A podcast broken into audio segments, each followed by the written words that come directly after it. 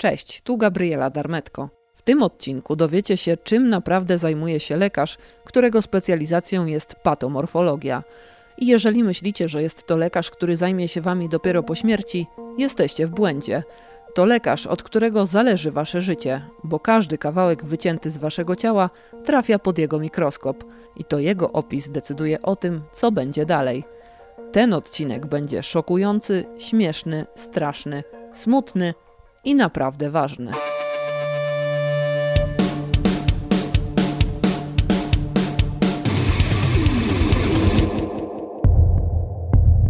A, to jest krojenie trupów.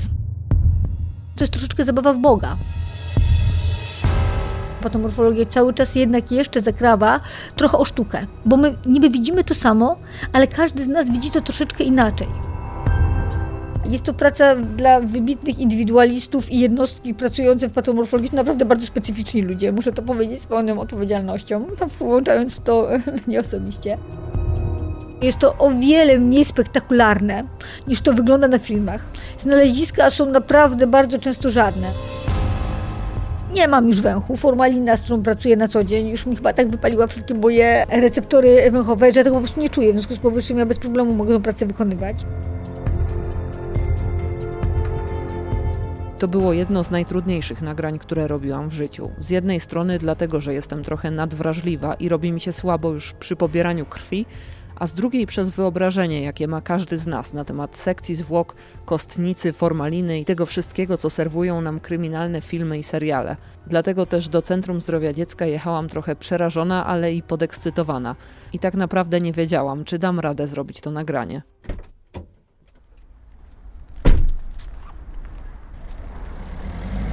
Przepraszam, zakład patologii to gdzieś tu jest? O, nie wiem, powiedział Pani jaki blok? Gdzieś przez parking się podobno wchodzi. Z tamtej strony. Czyli muszę tam przejść, tak? One idą alfabetycznie od tamtej strony, tak? Ten wysoki jest E. Aha, dobra. W końcu udało się dotrzeć. Boczne wejście i długi, ponury korytarz. Korytarz, którego estetyka nie zmieniła się od jakichś 30 lat. Nad wejściem wisi tabliczka Zakład Patologii. Doktor Sylwię Szymańską, kierowniczkę pracowni autopsji, znałam tylko z rozmowy telefonicznej. Kiedy zadzwoniłam, że już jestem, w drzwiach pojawiła się drobna blondynka ubrana w elegancką spódnicę i buty na obcasie. Od razu wyczułam jej pozytywną energię i radość życia, mimo że na co dzień styka się z tym, czego większość z nas boi się najbardziej, czyli śmiercią i chorobami. No i ruszyłyśmy w głąb długiego korytarza zakładu patologii. Dobra, no to zapraszam, proszę bardzo. My mamy dwa stoły, na ogół pracujemy na tym. Zdarzyło nam się? Nam się razem nie zdarzyło chyba tutaj nigdy nic zrobić. Ale kiedyś się zdarzało. Ale kiedyś się zdarzało, no. Tu jest y, rdzeń? Teraz tak, to jest mózg. No, tu jest mózg i jest jedna półkula, to jest móżdżek, a to jest rzeczywiście rdzeń, przed- prawda? Już my mamy tylko tą górną część, bo cały rdzeń to poszedł pacjenta, więc to jest móżdżek, tu, tu mamy cały mózg, a tu jest rdzeń, tak. W pierwszej kolejności mówię, że jestem lekarzem, a potem pada oczywiście pytanie, jaka specjalizacja. Kiedyś mówiłam patomorfologia, ale ponieważ w większości osób słowo morfologia kojarzy się z krwią, więc zaraz pada kolejne dodatkowe pytanie, padało, zwykle padało, czy jest to specjalizacja związana z krwią i co ja w zasadzie robię. Więc już nie mówię patomorfologia, tylko po pierwsze patologia, a potem zaraz tłumaczę już tak na wszelki wypadek, bo jeżeli komukolwiek, z czymkolwiek się kojarzy patologia, no to raczej z wykonywaniem sekcji zwłok. Jest to bardzo często mylone z zupełnie inną specjalizacją, bardzo mało kliniczną, czyli medycyną sądową.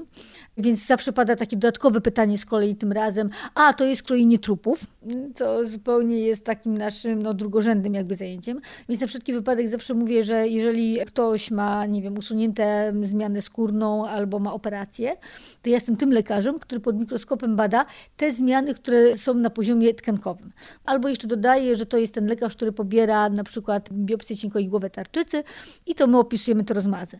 No to dla większości osób, ponieważ jednak choroby tarczycy są dosyć takie częste, no to już jakoś to się tak klaruje. Więc jak podaję te przykłady, to jest troszeczkę łatwiej.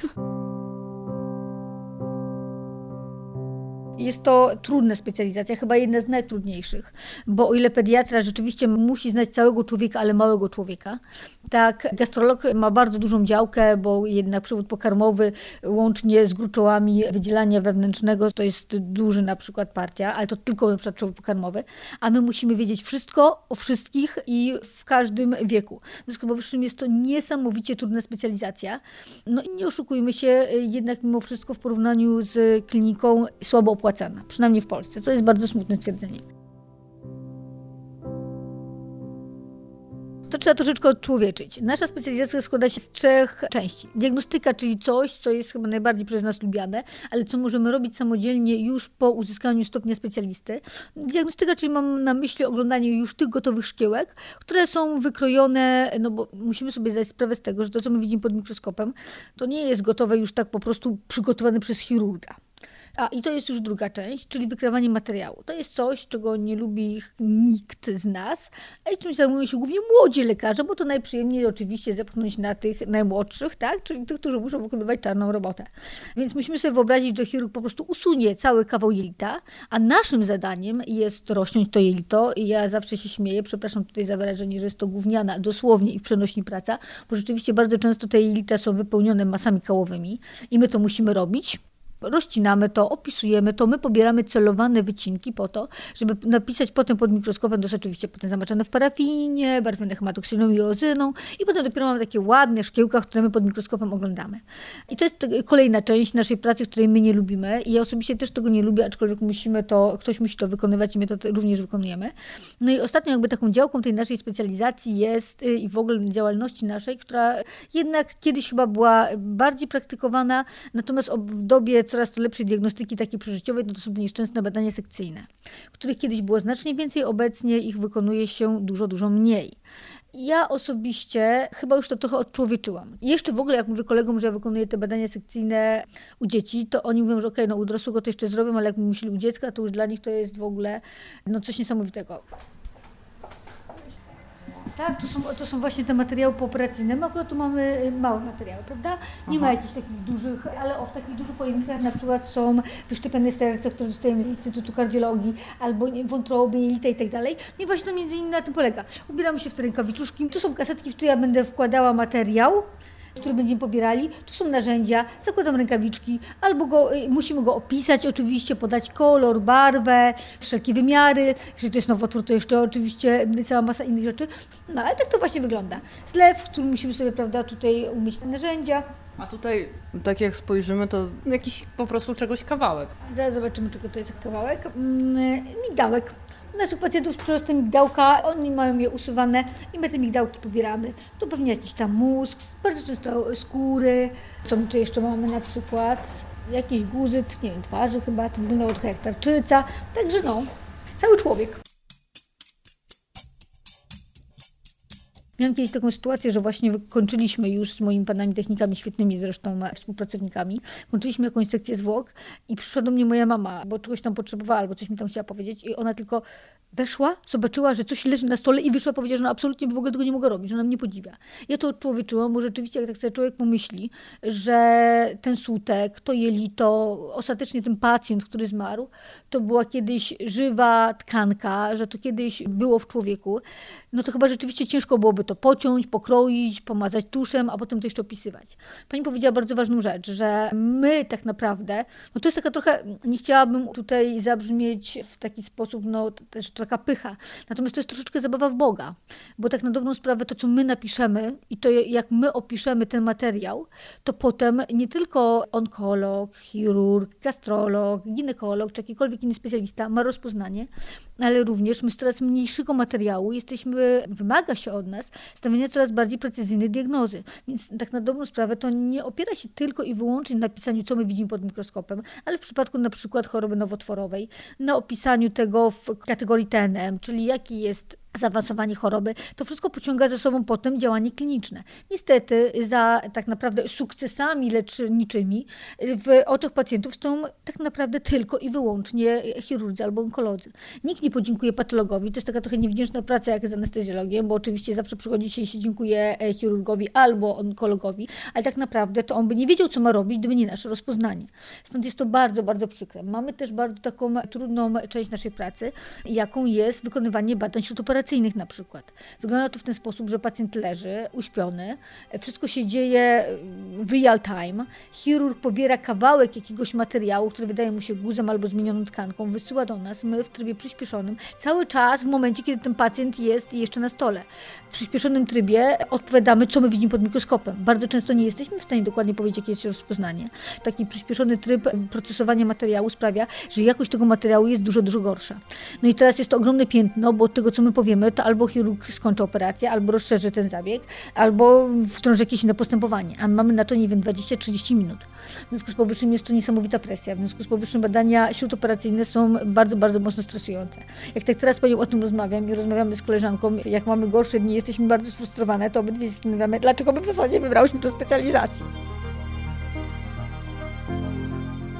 Natomiast to, co jest ciekawe w tej specjalizacji, to ja zawsze działam przede wszystkim naukowo. Tutaj w Centrum Zdrowia Dziecka też jestem na stanowisku naukowym, w związku z powyższym pisanie prac naukowych, research zawsze były taką nieodzowną częścią mojej działalności klinicznej. Myślę sobie, że nie mogłabym chyba tylko i wyłącznie się temu poświęcić, ale jednocześnie chyba nie mogłabym wykonywać tej pracy bez tego kontekstu naukowego. Praca patomorfologa pod tym względem jest naprawdę niesamowicie fajna, bo to jest, bo patomorfologia wchodzi w zakres tych nauk podstawowych. W związku z powyższym możemy sobie oznaczyć bardzo dużo fajnych rzeczy, zrobić dużo nowych rzeczy. Jest jeszcze cała masa takich pól, które są, użyję takiego kolokwializmu, niezaorane i można naprawdę dużo fajnych rzeczy zrobić. W związku z powyższym, jeżeli chodzi o taką działkę naukową, no to to jest super specjalizacja. My się uczymy, czytamy te książki i widzimy, jak dana zmiana wygląda, ale ta zmiana nigdy nie jest taka sama. Nigdy u danego pacjenta nie jest taka sama. I tak jak to mówiłam w trakcie obrony swojego doktoratu, że jednak mimo wszystko patomorfologia cały czas jednak jeszcze zakrawa trochę o sztukę, bo my niby widzimy to samo, ale każdy z nas widzi to troszeczkę inaczej. Funkcjonujemy już w XXI wieku w evidence-based medicine, czyli w medycynie opartej na faktach. W związku z powyższym to nie jest tak, że opisuję sobie, nie wiem, komórka, nazwijmy ją komórką X, albo nie wiem, zapalenie jakiegoś tam stopnia, ale tak na dobrą sprawę skal takich dobrze zweryfikowanych, o udowodnionych takich klinicznych badaniach jest bardzo niedużo. W związku z powyższym ja na przykład podam tutaj przykład tego, co lubię, czyli na przykład choroby nieswoiste zapalenie jelit. Dla mnie zapalenie może być średniego stopnia, a dla kogoś, kto na przykład ma, nie wiem, pogląd u pacjentów dorosłych, gdzie te zmiany trwają dosyć, e, znaczy znacznie dłużej i są na przykład często dużo bardziej zaawansowane, to powiem, nie, dla mnie to jest e, zapalenie małego stopnia. W związku z powyższym, no tutaj jednak mimo wszystko, no wiadomo, że to nie jest tak, że to już nie jest dobrze, jak ktoś rozpoznaje zmianę łagodną, a ktoś inny z tego samego materiału patrzy i mówi, a to jest zmiana e, złośliwa, tak? Niemniej jednak wciąż jednak troszeczkę się różnimy, zawsze te raporty wyglądają trochę inaczej i cały czas patomorfologia jest jednak sztuką. A poza wszystkim jest to specjalizacja dla osób introwertycznych, bardzo takich no, indywidualistów. Ja taką jestem osobą. Tak mózg tak, wygląda? Tak, tak wygląda mózg. Ma Pani szczęście, bo mogła Pani zobaczyć mózg, na ogół tego nie robimy rutynowo. Generalnie rzecz biorąc, tylko w niektórych przypadkach, jeżeli mam na przykład jakieś zmiany takie pod tytułem no, niedotlenienie, nie, albo podejrzenie jakichś takich zmian no, organicznych, anatomicznych, czy też nowotworów, to utrwalamy mózg w całości, bo na ogół sekcje zwłok, e, w ogóle definicja sekcji zwłok samej to jest otwarcie wszystkich jam ciała, czyli musimy otworzyć czaszkę, klatkę piersiową i brzuch. I preparujemy wszystko tutaj na tym stole, e, wykonujemy sekcję zwłok wszystkich narządów. Jeżeli jest a co się zdarza na przykład w moim e, przypadku no, relatywnie często, musi sobie Pani wyobrazić, że mamy serduszko pacjenta pediatrycznego, to jest jak moja pięść, a e, naczynia są jeszcze, jeszcze węższe, więc jeżeli na przykład jest podejrzenie jakichś zmian naczyniowych, to nam się zdarzało na przykład utrwalić serce w całości, dopiero jak ono się dobrze utrwali, to je dopiero potem pokroić pobrać celowane wycinki. Zdarza nam się właśnie w tych przypadkach, o których powiedziałam, zachować mózg w całości, on się utrwala i utrwala się znacznie dłużej niż pozostałe tkanki. To takie są co najmniej miesiąc do do trzech miesięcy, tak żeby on był na tyle już dobrej spoistości, żebyśmy my go sobie mogli spokojnie pokroić. Ja mam kolegę, który jest neurochirurgiem, niedawno zrobił specjalizację z neuropatologii i my te sekcje tak zwane neuropatologiczne robimy według smatu, który moja szefowa dla nas opracowała. Mm, robimy je w sposób taki bardzo dokładny, pobieramy celowane wycinki po to właśnie, żeby mieć obraz z poszczególnych, prawda, tam e, obszarów tego mózgu. Więc ma Pani szczęście, może akurat zobaczyć, jak wygląda mózg. Mózg, który moją mamę osobiście przy razie akurat tutaj kiedyś wdepnęła. Tutaj jest kolejny mózg też innego pacjenta. To jest akurat, musi sobie Pani wyobrazić, bardzo duży mózg e, pacjenta, który miał niespełna dwa lata. Tam rzeczywiście jest coś, my jeszcze na razie nie wiemy co. On miał również takie spektakularne zmiany w jelitach. No to będzie dosyć takie ciekawe znalezisko. Czekamy na wyniki badań molekularnych, bo jego e, materiał genetyczny poszedł na badanie WES, czyli e, tam tysiące genów, które nam obrazują jakieś tam najczęstsze zmiany, chociażby dotyczące chorób metabolicznych. My, jako patolodzy, patomorfolodzy, mamy dwutygodniowy staż z zakresu właśnie medycyny sądowej w trakcie naszej specjalizacji. Ja ten staż zrobiłam nie w Polsce w ogóle, pojechałam do Lozanny, do swojej znajomej, do takiego naprawdę bardzo dobrego ośrodka, więc ja widzę tą medycynę sądową troszeczkę z innego punktu widzenia. Z ośrodka naprawdę bardzo dobrego, gdzie są możliwości, gdzie mieli na przykład rezonans i każde zwłoki były najpierw badane rezonansem, a potem dopiero rozcinane, gdzie współpraca między medykiem sądowym a policją była świetna, bo tam policja ma już skanery, w związku z powyższym no to wyglądało zupełnie, zupełnie inaczej. Medycynę sądową u nas w Warszawie znam tylko i wyłącznie ze studiów i jestem przekonana, że to się bardzo mocno zmieniło. Natomiast jak wygląda, a miałam zajęcie ze studentami i prowadziłam z nim właśnie medycynę sądową, więc ja nieustająco ten ogromny nacisk przede wszystkim na różnicę między sekcją zwłok anatomopatologiczną, czyli tą, którą wykonuje patomorfolog, a tą sekcją zwłok sądową. Przede wszystkim głównym wskazaniem do takiej sekcji zwłok sądowej to jest podejrzenie działalności osób trzecich, czyli kontekst kryminalistyczny. Do nas nigdy nie przyjeżdża policja. Nigdy. Zresztą, jeżeli chodzi o sądówkę, to też nie. Może się pojawić i powinien się pojawić prokurator, bo bez niego nie powinno się rozpocząć sekcji zwłok sądowej. Natomiast oczywiście tych sesji zwłok to nie lubimy robić. Nie jest to już takie badanie, które mogłoby cokolwiek wnieść, więc my mówimy, no, że jeśli ich za dużo, dla nas jest ich ciągle za dużo, biorąc pod uwagę, że u nas jest bardzo mało patologów, no to ja mam niesamowite zaległości, jeżeli chodzi o wydawanie tych raportów. Rzeczywiście, ja mogę powiedzieć to w liczbach. W Centrum Zdrowia Dziecka to jest około 70 kilku, 80 sekcji zwłok rocznie co może się wydawać dużo mało. Ponieważ u nas patologów jest niewielu, no to dla nas to jest sporo, bo to przypada jednak jako, no tak, tych sekcji zwłok na 12 miesięcy, no to w zasadzie w każdym miesiącu jakaś tam się trafi. Oczywiście e, nieszczęścia chodzą w grupach, w związku z powyższym jest tak, że na przykład są dwa miesiące, kiedy się nic nie dzieje, a potem tydzień po tygodniu albo kilka sekcji zwłok w ciągu jednego tygodnia. Są to sekcje zwłok trudne. Trudne dlatego, że no to serce po zabiegu na przykład wygląda już zupełnie, zupełnie inaczej. Trzeba je inaczej preparować, trzeba je inaczej rozciąć. Są masy masywne wzrosty, w związku z powyższym jest to dosyć trudne. Niemniej jednak wiem, że u dorosłych wykonuje się tych sekcji zwłok więcej, głównie ze względu na to, że bardzo dużo ubezpieczalni wymaga od rodziny sekcji zwłok, żeby w ogóle wypłacić jakieś tam odszkodowanie. I zawsze, jak miałam zajęcie ze studentami, to pierwsze pytanie na właśnie zajęcie z medycyny sądowej padało, a czy będziemy mogli przyjść na sekcję zwłok? Muszę powiedzieć, że jest to o wiele mniej spektakularne, niż to wygląda na filmach. Znaleziska są naprawdę bardzo często żadne. Nam się raz na jakiś czas naprawdę zdarzały jakieś takie spektakularne znaleziska, ja jak byłam w tej Lozannie. Nam się tak zdarzyło, że pacjent zmarł, chyba na stole operacyjnym, no i myśmy znaleźli coś, co wyglądało jak prowadnica chirurgiczna e, w, w tym mięśniu serca, co tak na dobrą sprawę się znaleźć nie powinno. Oczywiście sekcja zwłok przerwana, musieliśmy poprosić o dokumentację, poinformować o tym prokuratora, bo tutaj w grę wchodzi już poza jakimś tam aspektem kryminalnym, czy zabieganiem na przykład o wypłatę z ubezpieczalni, no to tu jeszcze wchodzi w grę niestety błąd w sztuce. Może ja już mam do tego inne podejście, bo ja to człowieczyłam, może na kimś zrobiłoby wrażenie. Nie mam już węchu. Formalina, z którą pracuję na co dzień, już mi chyba tak wypaliła wszystkie moje receptory węchowe, że ja tego po prostu nie czuję. W związku z powyższym ja bez problemu mogę tę pracę wykonywać. Czasami naprawdę, jak już tak bardzo, bardzo mocno jedzie, bo materiał nie jest wypukany, to ja czuję to oczami, więc mi oczy łzawią, natomiast ja tego nie czuję po prostu na w świecie. Ale to po pierwsze nie pachnie ładnie. No nie jest to przyjemne doświadczenie, krótko mówiąc. Znaleziska nie są spektakularne i naprawdę to nie wygląda tak jak u doktora Hausa albo w jakichś innych serialach, którym ja już pewnie nie podążam. No zdecydowanie nie jest to ani ulubiona część pracy patomorfologa, ani cokolwiek wnosząca do diagnostyki, ani przyjemna. Więc dementuję plotki na temat tego, że jest to tak niesamowicie spektakularne badanie, bo nie jest.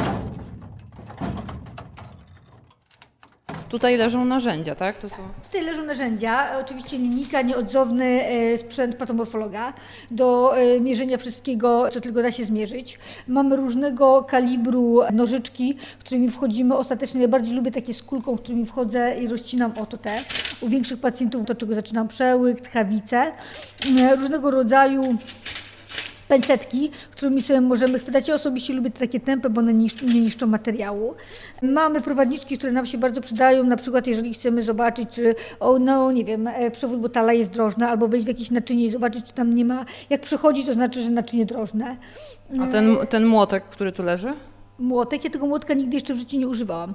No to są skalpele, którymi e, pracujemy też na materiale takim pooperacyjnym. Młotka nigdy nie używałam. Tam jest piła, którą moi panowie otwierają głowę, ale zanim ja już tutaj przyjdę, to głowa jest już zawsze otwarta, więc nigdy nie miałam przyjemności bądź nieprzyjemności e, tego oglądać. Tutaj jeszcze, bo to jest taka rurka, czy to jest... A, to jest rurka, z której e, my sobie albo odsysamy płyn, Albo leci z tego woda, bo jak ja to ścinam, to oczywiście broczy wszystko krwią. W związku z powyższym panowie mi albo tutaj oczyszczają, jak chcę coś zobaczyć, no to oni mi właśnie polewają, tak żeby było lepiej widać, a czasami po prostu zakręcamy sobie tą wodę i odsysamy na przykład jakąś wydzielinę z różnych e, narządów, czy właśnie tą krew czy chociażby wodę. A to, co widzi Pani w środku, w ludziach, to jest tak, że te nasze narządy bardzo się od siebie różnią, czy one mniej więcej zawsze wyglądają tak samo? Bo kiedyś czytałam wywiad właśnie z osobą, która się tym zajmowała i mówiła, że czasami przepona potrafi wyglądać zupełnie inaczej niż teoretycznie powinna wyglądać w książce, że też zależy od tego, jak żyjemy, jak chodzimy, jaką mamy postawę. Generalnie rzecz biorąc, każdy człowiek jest inny. Mnie się raz na przykład zdarzyło wykonywać sekcję zwłok pacjentach, mimo nerkę podkowiastą. Czyli złączoną nerkę, prawda, nie ma dwóch nerek, tylko złączoną nerkę. Oczywiście co do samego wyglądu narządu, to one są mniej więcej, no podobno, no po to poznajemy, że to jest na przykład wątroba, a nie śledziona. Inaczej też wyglądają narządy, a to też mam e, doświadczenie porównując sekcję zwłok pacjentów pediatrycznych i u pacjentów dorosłych. U pacjenta dorosłego na przykład nie dziwi mnie, że mam na przykład zmiany miażdżycowe w aorcie. One bardzo często chrupią, te blaszki są bardzo widoczne. U pacjentów pediatrycznych nie. Więc to jest jedna różnica wynikająca chociażby z wieku. Nawet w obrębie samego pacjenta pediatrycznego, noworodka, nerki wyglądają, są takie troszeczkę pomarszczone jak mózg, bo one są jeszcze takiej budowy płodowej. U starszego pacjenta wyglądają już troszeczkę inaczej. Więc y, zmiany y, są na pewno spowodowane chociażby wiekiem. Druga rzecz, spowodowane są oczywiście zmianami chorobowymi, bo większość jednak pacjentów dorosłych, no to są ludzie, którzy już y, przez ileś tam lat żyją, w związku z powyższym jakieś tam choroby mają. Więc generalnie rzecz biorąc, no nie tylko te blaszki miażdżycowe, ale na przykład odpuszczenie różnych narządów. Tak, to też troszeczkę inaczej wygląda. Nie zdarzyło mi się tak. No i oczywiście zmiany chorobowe, takie jak u nas bardzo często, dzieci pacjenci, zresztą każdy człowiek ostatecznie, bez względu na to, jaka jest wyjściowa etiologia, umiera z powodu niewydolności krążeniowo-oddechowej. W związku z powyższym płuca, które ja widuję i rzadko kiedy mi się zdarza widywać inne, to są płuca bardzo mocno przekrwione, pieniądze się, piana jest substytutem masywnego obrzęku. No to też sprawia, że ten narząd nie wygląda tak, jak wygląda i jest pokazany w książce. Mięsień serca, który jest ładnie bardzo pokazany e, w książce, no mnie się relatywnie rzadko zdarza spotkać takie serce z chociażby atlasu anatomicznego, bo mamy pacjentów z bardzo złożonymi wadami serca, gdzie oni generalnie rzecz biorąc mają już powszywane różne wstawki, no naprawdę są to bardzo mocno zmienione serca. Więc musimy pamiętać o tym, że narządy wyglądają różnie w zależności od wieku, w zależności od zmian chorobowych. Ostatecznie jakaś tam zmienność osobnicza też jest, ale głównie muszę powiedzieć w y, kontekście wymiaru i wagi. Ale tak, żeby to były takie jakieś spektakularne zmiany, że wygląda zupełnie inaczej, to nie nie pamiętam swojej pierwszej samodzielnie wykonanej sekcji zwłok, ale pamiętam, że na początku napawało mnie to ogromnym stresem. Ja się ogromnie stresowałam, bo no, to wymaga pewnych umiejętności, sprawności manualnej, a druga rzecz, jest pewien schemat wykonywania tego, tego badania i to trzeba po prostu wszystko umieć. Znaczy ja na przykład podziwiam e, kolegów e, z Padwy, gdzie byłam na stażu, bo oni nawet sami preparowali tkanki zewnętrzne. Ja mam o tyle dobrze, że już na przykład e, przecinanie klatki piersiowej, preparowanie tkanki tłuszczowej itd., tak itd., tak to robią moi technicy, świetni faceci. Oni mi wyciągają tylko materiał w blokach i ja już sobie potem przecinam poszczególne kompartmenty.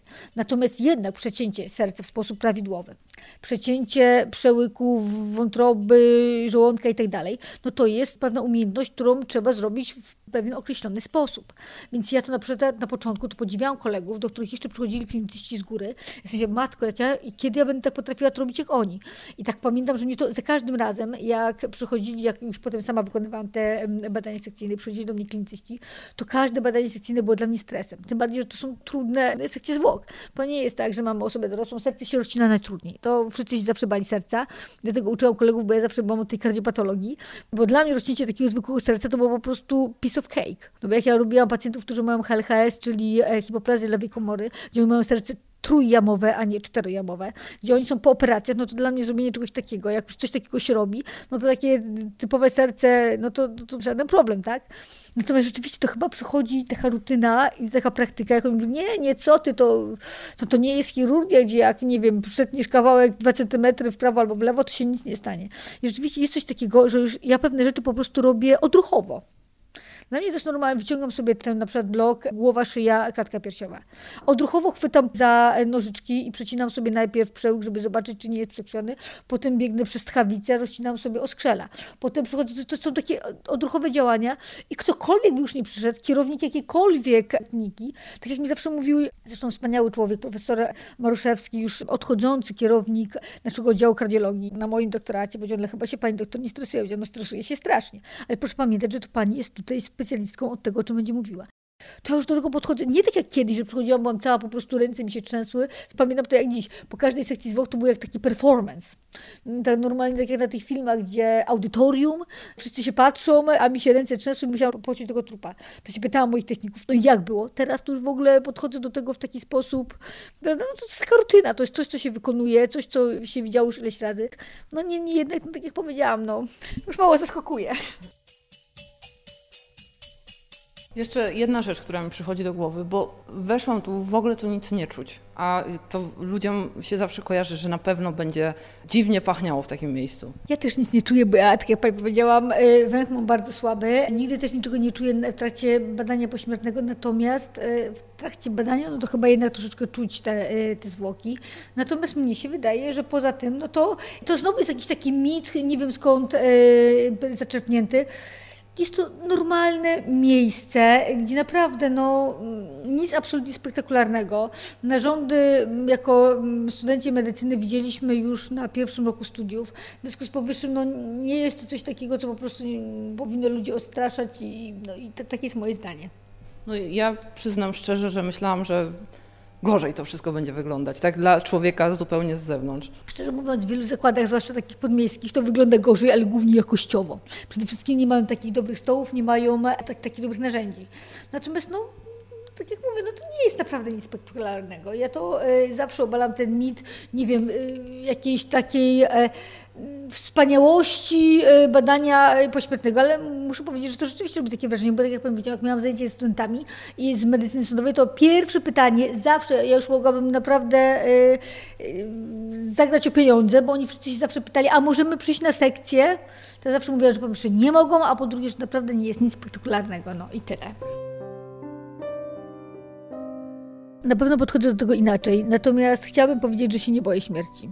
Ja aspiruję do bycia buddystką, ale jak powiedział Mel Gibson w jakimś jednym ze swoich filmów i jego bohater, nie Mel Gibson, tylko bohater, którego grał, ja jestem kiepskim buddystą, ja też jestem kiepską buddystką. Chciałabym wierzyć w reinkarnację i chyba nie do końca w tą reinkarnację wierzę. Niestety muszę powiedzieć, że ja się boję śmierci. Może nie tyle, że boję się umierania, co boję się przemijania. I ponieważ jestem e, totalnym agnostykiem, czyli osobą, która w zasadzie w tym momencie no nie jest tak, że nie wierzę w nic, bo uważam, że każdy człowiek powinien wierzyć w coś poza takim materializmem. Natomiast boję się, co będzie po tym. Boję się nicości, boję się. Dwa najgorsze słowa, jakie mogą być, to wszystko i nic. Zawsze i nigdy. W związku z powyższym, ja niestety boję się. Boję się, ale przede wszystkim boję się tego, że, że właśnie nie ma po tym nic. Że to jest takie po prostu, no byłam i mnie nie ma. Natomiast chyba rzeczywiście podchodzę do tej śmierci inaczej. Nie boję się absolutnie trupów, nie boję się mówienia o śmierci. Nie jest to dla mnie temat tabu, właśnie z tego względu, że ja z tym pracuję. Rzadko kiedy, i może nawet dobrze, zastanawiam się na tym momentach właśnie, jak oglądamy na przykład jakieś materiały, to jest przerażające, że w XXI wieku w Warszawie, czyli stolicy kraju, który leży w centrum Europy, wciąż jednak mamy takie materiały, gdzie nie wiem, czy to ze strachu, Słódki na przykład, czy macice, czy te kobiety się tego wstydzą, że mamy materiał, gdzie nowotwór jest tak bardzo zaawansowany, że jak my to oglądamy, to już sobie mówimy, o, tu już jest najwyższy stopień w ogóle zaawansowania i ten pacjent już w ogóle w zasadzie nie ma żadnych szans. I to jest tak na dobrą sprawę wydawanie wyroku śmierci. My może mamy troszeczkę lepiej, bo to nie my musimy o tym poinformować pacjenta. Więc ja tematu śmierci się nie boję. Co więcej, cały czas jednak mam taki trochę, ja to się śmieję, zboczenie zawodowe, że jak to się rzeczywiście pojawia e, tutaj kwestia właśnie, nie wiem, wykonania sekcji zwłok, czy badania jakiegoś patomorfologicznego w jakimkolwiek filmie, ja już nie mówię o takich właśnie typu doktory House'y, gdzie ja nieustająco po prostu wynajdywałam błędy, więc ja właśnie te błędy widzę. Ja te błędy widzę i są one dla mnie bardzo mocno rażące.